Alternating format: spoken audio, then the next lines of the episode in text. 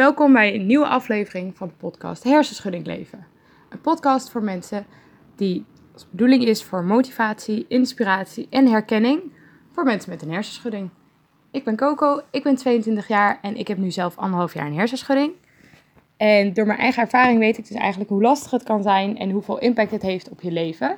En ik wil in mijn aflevering dat ter sprake brengen om eventueel wat herkenning te bieden, zodat je zelf ook misschien wat handvaten hebt hoe je ermee verder door kan gaan. Ik ben weer terug van vakantie. Ik ben twee weken in Jamaica geweest. Dat was echt super fijn. Ik heb er ontzettend van genoten. Ik was er ook echt alweer even aan toe. Ik heb een paar weken geleden meegedaan aan een revalidatieprogramma voor mijn hersenschudding. Uh, dat was heel zwaar en ik heb daarna best wel wat handvaten meegekregen hoe ik um, het beste thuis verder kan gaan met het revalideren om ervoor te zorgen dat ik in de aankomende tijd zo goed mogelijk ga herstellen. Uh, maar dat was best wel zwaar en ik had daar best wel wat stress alweer van ervaren. Dus deze vakantie kwam eigenlijk best wel goed uit. Uh, dus ik heb me op vakantie zeker vermaakt, want ik was heel even niet meer in de revalidatiesfeer. En heel even voelde ik me weer ja, beter of zo. Al had ik natuurlijk nog wel die hersenschudding die uh, niet zomaar weg is. En ik ook op vakantie niet even zomaar uit kan zetten. Maar mijn hersenen hebben zich zeker erg goed gedragen. Uh, er was een klein momentje dat ik toch wel echt even flinke terugval had. Maar toen heb ik een auto-ongeluk gehad.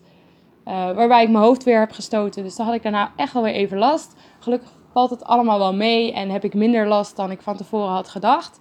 Dus dat is heel fijn. Ik kom daar allemaal waarschijnlijk wel weer goed uit. En ik verwacht eigenlijk over twee weken daar niet zoveel meer last van te hebben.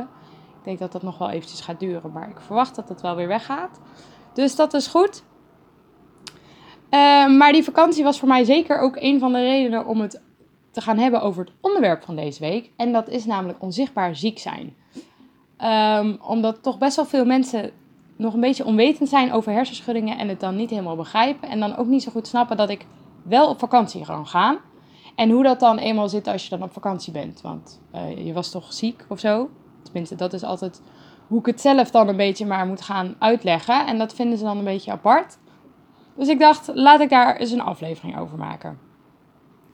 Um, ik krijg best wel wat opmerkingen vaak naar mijn hoofd toe geslingerd.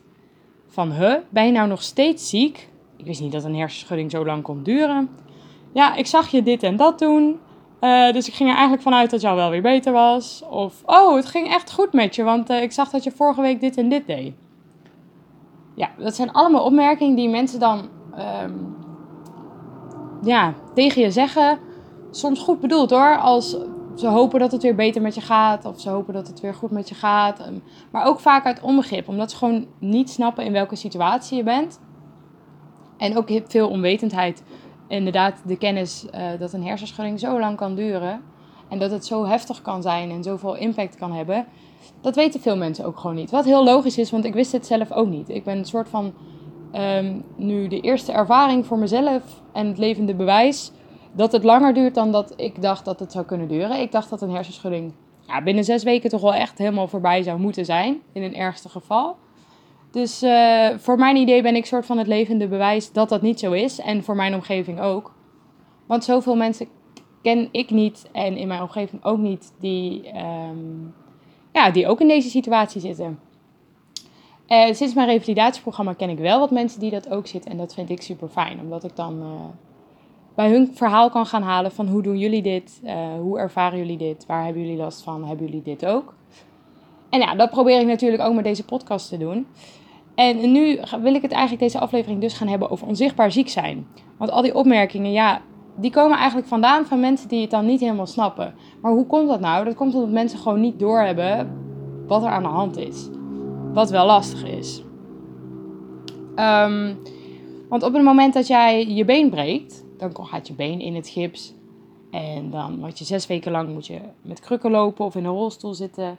En dan heb je constant dat jij zelf en mensen in je omgeving eraan worden herinnerd dat jij ergens last van hebt. En dat jij niet op je been kan staan, dat je daarom rekening moet houden met bepaalde dingen. En dat je niet alles kan. En mensen snappen dat. En mensen snappen ook dat je zeker in de eerste paar dagen veel pijn hebt, eventueel pijnstiller slikt. Omdat het allemaal zichtbaar is. Mensen hebben ook een beeld in hun hoofd um, hoe belemmerend het kan zijn op het moment dat je benen niet doet. Ze kunnen ze dat voor de geest halen, ze kunnen het begrijpen, ze kunnen het nog een beetje snappen. Ze zullen het nooit voelen. maar ze kunnen het wel begrijpen. Maar op het moment dat jij eh, pijn hebt in je hoofd, dus wat wij hebben, is last van een hersenschudding. Ja, mensen weten überhaupt niet wat voor klachten je daarbij kan hebben, hoe dat voelt. En omdat ze zich daar niet ehm, constant van bewust blijven, zullen ze het ook vergeten. Wat natuurlijk helemaal niet erg is, want dat is best wel logisch. Want als iemand zegt, ja, ik heb pijn aan mijn schouder, heb ik ook al vrij snel dat je na een tijdje denkt van, uh, dat je dat gewoon vergeet. Omdat je er niet bewust mee bezig bent, want je voelt niet wat diegene voelt. Dus dat is helemaal niet erg. Moet je ook zeker niet persoonlijk opvatten, maar het is wel logisch dat het gebeurt. Ja, en zeker is natuurlijk ook die onwetendheid van niet weten dat het zo lang kan duren. Gewoon die kennis niet hebben. Wat natuurlijk ook heel logisch is, want je gaat niet elke dag googlen hoe lang een hersenschudding kan duren. Als je er überhaupt niemand in je omgeving hebt die dat heeft. Dus het is best wel logisch dat er veel onwetendheid over is. Maar er is ook wel wat onbegrip over. Tenminste, dat ervaar ik soms. Dat mensen echt zeggen, ja, maar je ging vorige week wel dit en dit doen en dan kan je nu niet dit doen. Dat vind ik wel een beetje raar. Of je komt wel op vakantie, maar de dagen daarna heb je wel uh, dat je moeite hebt met werken. Dat vinden ze dan een beetje gek. En dan denk je, ja, ja, dat is ook een beetje gek. Maar dat is wel zo. En dat is wel hoe ik het ervaar. Um, en voor mij is het heel verklaarbaar. En ik kan het je wel uitleggen, maar dan moet je wel openstaan voor die uitleg. Dus ja, je gaat ook niet de hele wereld elke keer alles uitleggen. Maar op zich, het onzichtbaar ziek zijn is nog wel een dingetje wat gewoon lastig is. En dat komt eigenlijk door twee hoofddingen uh, waarom dat lastig is. En dat is omdat het niet zichtbaar is dus. Ja, onzichtbaar ziek zijn. Uh, dus mensen hebben geen beeld bij wat je precies hebt. En um, dat is beeld als in ze weten niet precies wat, je, um, wat ze zich voor de geest moeten halen. Wat bij een hersenschudding. Want ja, wat houdt een hersenschudding nou precies in? Um, en ze kunnen zich daarom ook niet voor de geest halen wat, ze, wat je voelt. Dat is gewoon heel lastig. En er is ook gewoon heel veel onwetendheid. Um, mensen begrijpen niet precies wat je doormaakt um, en hoe dat dan werkt. Hoe werkt het dat je dan dus uh, het eigenlijk je filter het niet zo goed doet, dat je dus de hele tijd overprikkeld bent, dat je veel minder energie hebt. Hoe werkt dat nou? Dat zijn eigenlijk de redenen waarom mensen het onzichtbaar ziek zijn niet zo goed snappen. Uh, ja, hoe moet je daarmee omgaan, is eigenlijk de grote vraag dan. Ja, daar zijn verschillende manieren voor. Maar ik denk dat het hoofdding is, is toch wel uitleggen. Uitleggen en een soort van ja, laten zien of zo. Omdat um, ik denk voor de mensen waarbij het het meest lastig is, is voor vrienden en familie. Uh, dat komt omdat die dicht bij je staan, willen dat het allemaal goed met jou gaat en die zien jou veranderen. En op het moment dat jij verandert, um, op het moment dat er sowieso een verandering in ja, het leven plaatsvindt, hebben mensen daar moeten door verschillende fases heen. En een van die fases is ontkenning um, en een beetje tegenstrijdigheid voordat ze erin meegaan. Dat is een hele natuurlijke reactie. En dat op het moment is dat er iets verandert, gaan mensen eerst een beetje tegenstribbelen. Uh, en dat doe je waarschijnlijk zelf ook. Tenminste, op het moment dat ik mijn hersenschudding kreeg, accepteerde ik echt niet dat ik me anders moest gaan gedragen. Ik wilde gewoon weer doen hoe, het, uh, hoe ik het altijd al had gedaan. En ik hoopte maar gewoon dat het zo snel mogelijk allemaal weer normaal zou zijn. Nou, hoe dat allemaal precies met mezelf ging, daar wil ik het volgende week meer over hebben. Maar hoe dat dus voor vrienden en familie gaat zijn, die moeten dus ook door die fase heen. Want die zien jouw gedrag veranderen, maar die zullen dus zelf ook moeten veranderen. Want die zullen anders met jou om moeten gaan. Um, en daarvoor moeten ze een stukje begrip gaan tonen. Ze moeten jou willen begrijpen en, um, en ze moeten wat kennis hebben van hoe moeten ze dan met jou omgaan en waar heb je last van. En op het moment dat het voor hun zo duidelijk mogelijk is, kunnen zij daar wat mee. Dan kunnen ze zich ook voorstellen. Want dan is het niet van, oké, ja, we gaan niet stappen, maar zullen we dan gaan ergens gaan uit eten? Ik weet niet hoe dat met jullie zit, maar bij mij ergens uit eten, zeker in het begin, was misschien nog wel erger dan stappen. Want al die mensen die praten, dat kon ik echt niet handelen. Dus ja, ook jouw vrienden en familie hebben een soort handleiding nodig, die er eigenlijk niet per se is. Dus dat is heel lastig, want ja, ze hebben dus een bepaald onbegrip en uh, ze willen natuurlijk wel begrijpen, want het zijn wel mensen die graag het beste voor, met jou voor willen. Um, en wat ook best nog wel daarbij kan gebeuren, is dat zeker je vrienden wat gaan inslinken. Ik heb ook wel dat ik echt nu een veel kleinere vriendenkring heb. Niet dat dat erg is, want uh, achteraf gezien ben ik daar misschien nog best wel een beetje blij om. Omdat ik het zoals ik het in de vorige aflevering al had verteld over prikkels, ehm, is dat je niet meer zo heel veel prikkels kan hebben. En als jij de hele tijd met heel veel verschillende mensen moet socializen, dat is best wel zwaar, omdat je elke keer moet aanpassen aan een andere persoon.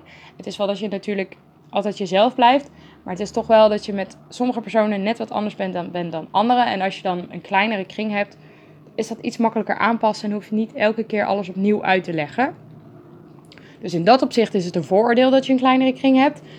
In de rest van de opzichten kan ik me heel goed begrijpen dat het echt heel erg verschrikkelijk is dat ja, je mensen om je heen weggaan. Ik vond het zelf heel erg lastig, want ik had best wel veel vrienden eigenlijk. Um, niet eens allemaal goede vrienden, ook al wat oppervlakkige vrienden, maar waarvan ik wel gewoon veel uh, een leuke tijd kon hebben, veel mee ging stappen en allemaal van dat soort dingen. En die spreek ik nu gewoon niet meer. Helemaal niet. Omdat het gemeenschappelijke gedeelte, dus het stappen, dus gemeenschappelijke activiteit, doen we niet meer. En je hebt mensen om je heen en die zijn echt van, nou ja, weet je, uh, we kunnen dit niet meer doen, maar ik wil nog wel graag tijd met je doorbrengen. Wat kan ik wel met je doen? Um, en dan ga je samen kijken naar dingen die wel bij je passen. Wat ik in het begin ook heel moeilijk vond hoor. Want ik wist in het begin überhaupt niet wat ik wel en niet kon. Ik weet het nu nog steeds niet. Maar ik weet nu, sommige dingen kunnen wel. Ik weet wel dat ik kan gaan wandelen en dat ik dat best wel met één of twee personen kan doen. Die dan mee kunnen maken in een rondje. En dan kun je toch nog een beetje bijkletsen. En zo weet ik wel het een en ander wat ik een beetje zou kunnen doen. Maar in het begin wist ik dat niet. Maar de echte vrienden die om je heen zitten, die echt om jou geven, die gaan met jou meekijken. Nou, hoe kunnen we toch nog tijd samen doorbrengen zonder dat het voor jou al te belemmerend is. Maar er zijn ook gewoon mensen die ja, die je niet meer gaat spreken, omdat gewoon de gemeenschappelijke activiteit weg gaat vallen. En dat is wel lastig, want je hebt toch een soort rouw van mensen die je dan niet meer gaat spreken. En je zult er dan toch voor je gevoel gewoon echt minder bij horen. Ja, dat is wel lastig om daar doorheen te gaan. Maar dat is voor vrienden en familie ook lastig, want die willen jou graag helpen. Die willen gewoon graag dingen met jou doen. Die zijn bepaalde activiteiten of bepaald gedrag van jou gewend. En dat vertoon jij niet meer. Um, zo heb ik mijn beste vriend, vond het super leuk om met mij avondjes te gaan. Gingen we met z'n tweeën gingen we alcohol drinken op de bank. En we hebben de hele avond gingen we spelletjes doen en lachen. Dat vonden we super gezellig. Hij heeft er heel erg aan moeten wennen dat ik ineens zei: Ja, sorry, maar ik drink niet meer. En ik kan het niet meer. En het lukt mij niet meer om zo lang nog dit en dat te doen. Dat lukt mij gewoon niet meer. En ik kan nog steeds nu super goed met hem. We hebben nu allemaal andere dingen bedacht wat we kunnen doen. Maar dit is wel een gemeenschappelijke activiteit dat echt ons ding was dat doen we nu niet meer. En dat is nog steeds heel jammer, maar dat is wel wennen voor mij, maar ook voor hem. Dus dat kun je ook, dat moet je niet onderschatten. Het is voor vrienden en familie ook lastig dat jij in een andere situatie bent. En hoe je ze daarbij het best kan helpen, is uitleggen.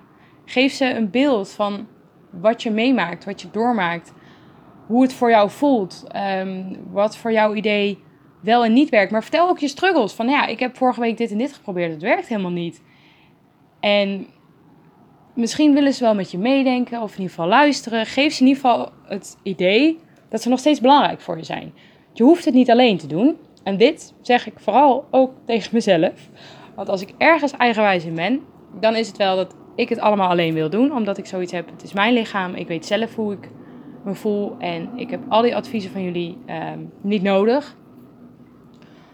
Omdat ik veel advies heb gekregen van vrienden waarvan ik denk, je hebt geen idee waar je het over hebt.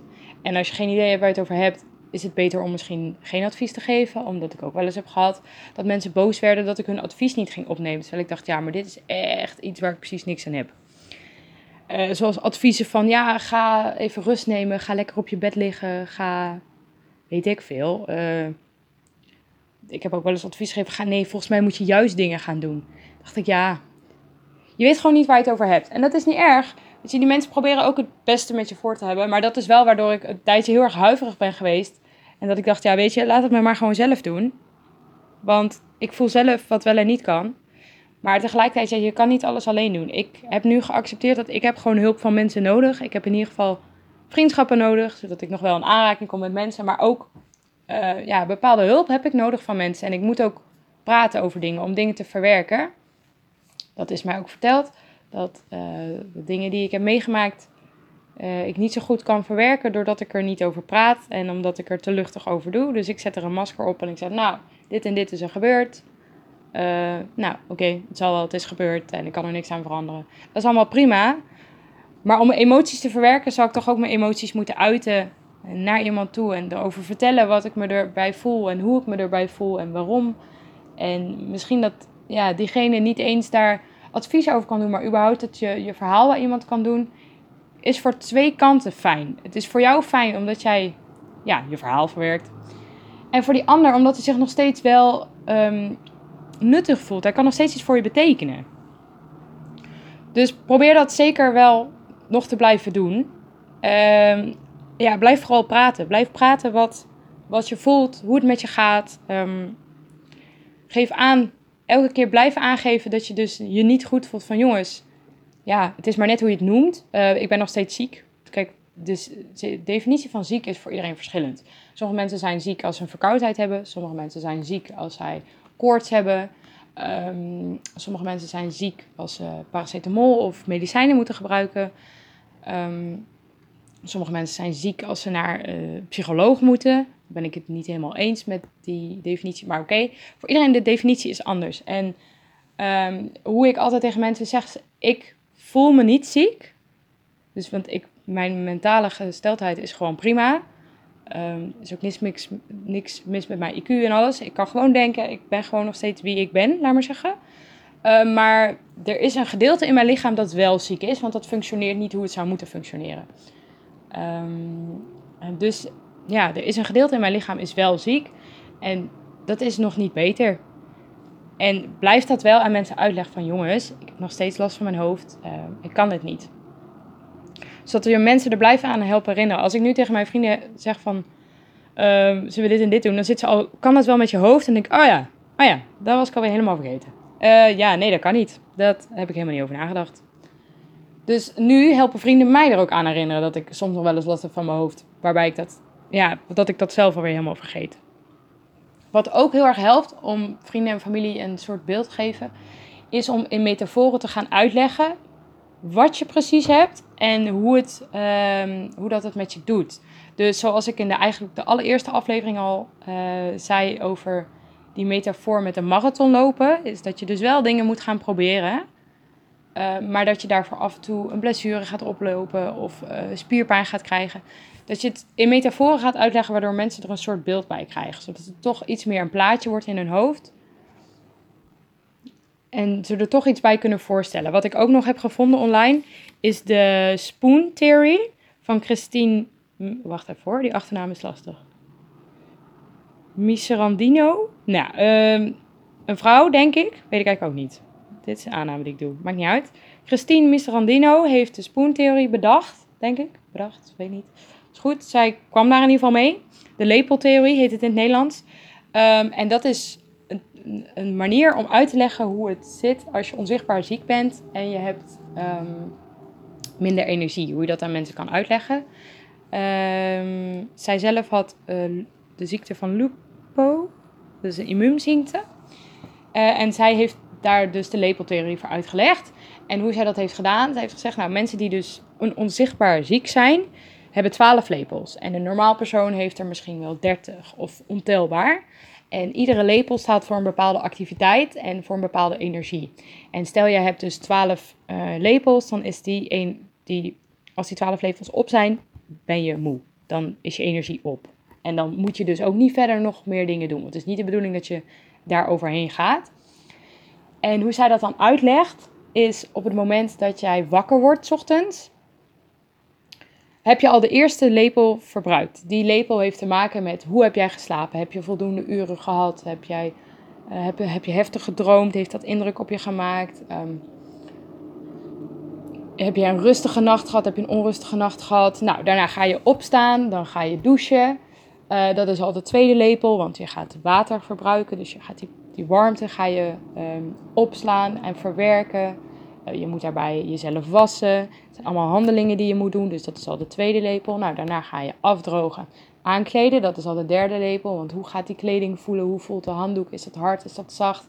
Zit je kleding zacht of hard? Is het ruw? Um, ziet het er representatief uit voor wat je gaat doen? Daar moet je ook allemaal weer over nadenken. Nou, volgende uh, stap is al het ontbijten. Wat ga je ontbijten? Hoe smaakt dat?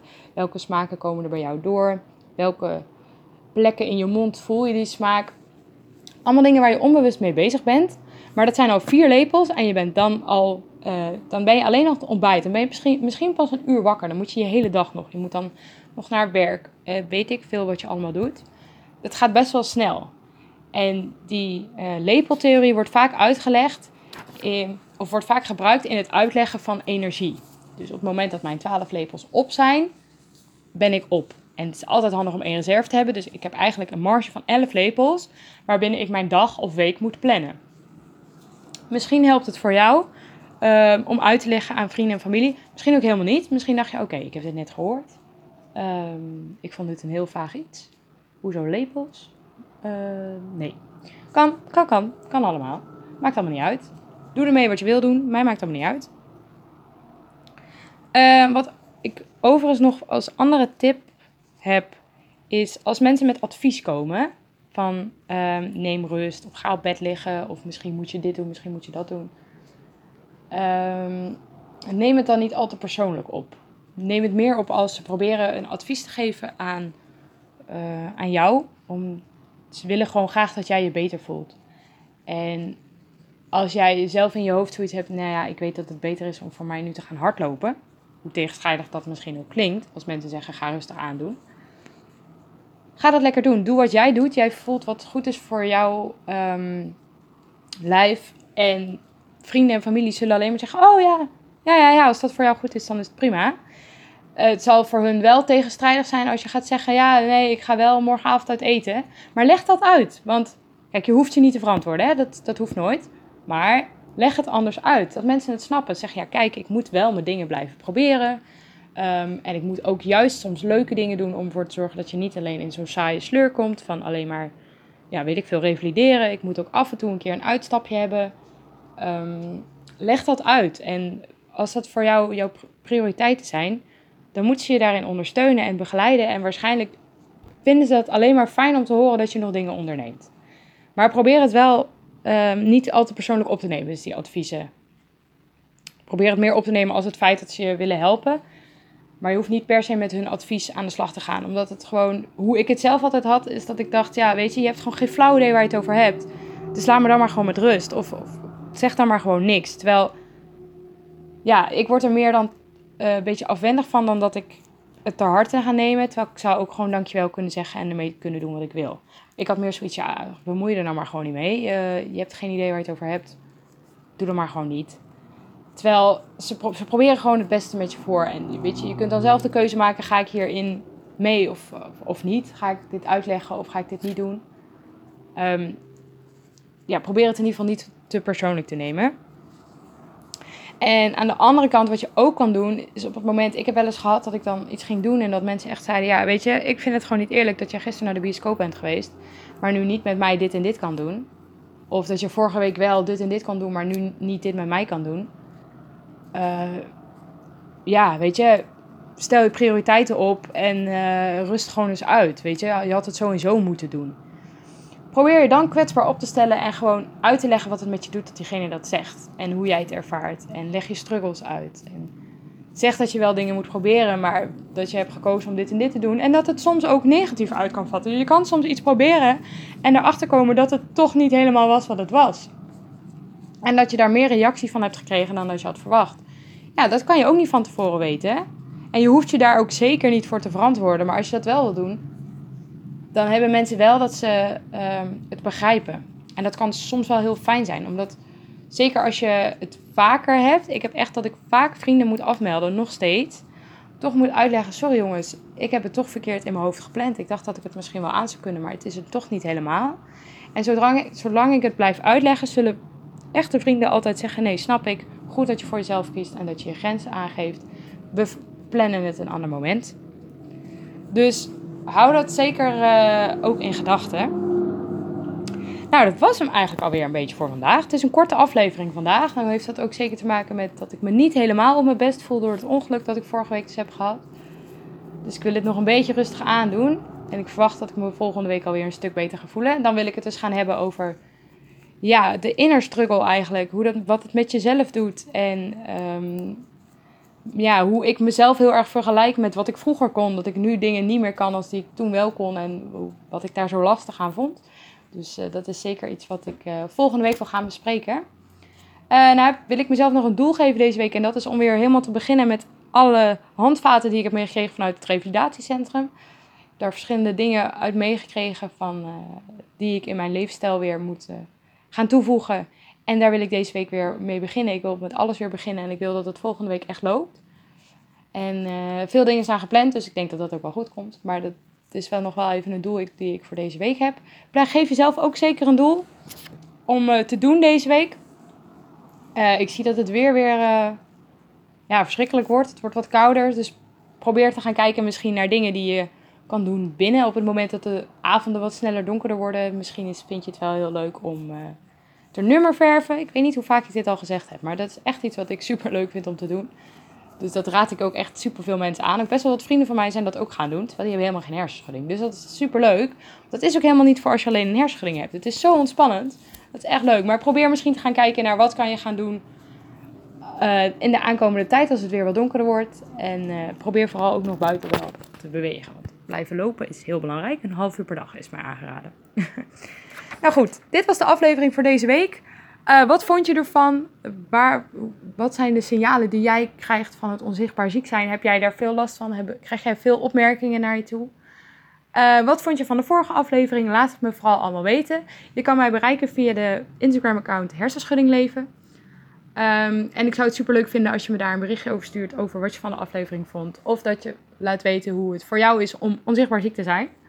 En uh, nou, tot volgende week. Doei doei!